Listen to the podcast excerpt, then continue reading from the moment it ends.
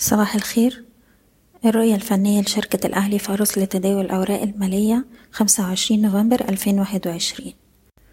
امبارح في بداية الجلسة شفنا تراجع لمؤشر EGX 30 وصل لغاية مستوى حداشر ألف ميتين وتسعين ومن هنا بدأ يقلل من الخسائر بتاعته وقفلنا عند مستوى حداشر ألف تلتمية اتنين وخمسين بالقرب من high الجلسة. عندنا مستوى مقاومة مهم عند ألف وخمسمية. أي وقت نعدي المستوى ده الأعلى هتبقى إشارة لعودة القوى الشرائية مرة تانية ويفتح لنا الطريق لاختبار مستوى مقاومتنا الأهم حداشر ألف وسبعمية وتلاتين.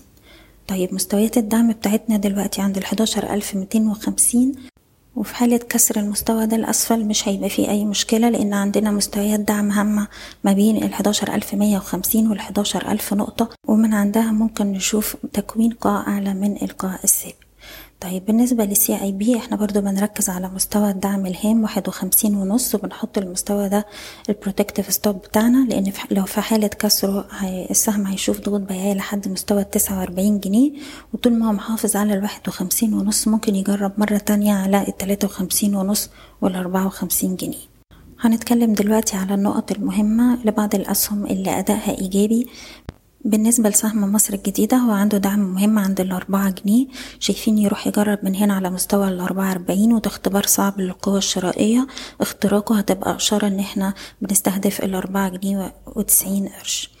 بالنسبة لسهم ابن سينا شايفين من هنا يروح يجرب على مستويات التلاتة جنيه خمسة وخمسين وكسرتها هتبقى إشارة شرائية يستهدف مستوى التلاتة جنيه وتسعين قرش. وهنرفع مستوى حماية الأرباح بتاعنا لغاية التلاتة جنيه وتلاتين قرش.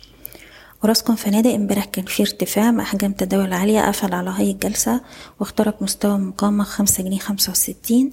بالتالي السهم بيستهدف مستوى الستة والستة وربع ونرفع حماية الأرباح بتاعنا للو جلسة امبارح عند الخمسة جنيه ونص. أخيرا سهم إسماعيلية الدواجن السهم بقاله ثلاث جلسات بيرتفع بزيادة ملحوظة في أحجام التداول. السهم رايح يجرب على مستوى مقاومته ستة جنيه وعشرين قرش. اختراق المستوى ده هتبقى إشارة شراء وهيستهدف مستوى السبعة جنيه ونص. بشكركم بتمنى لكم كل التوفيق.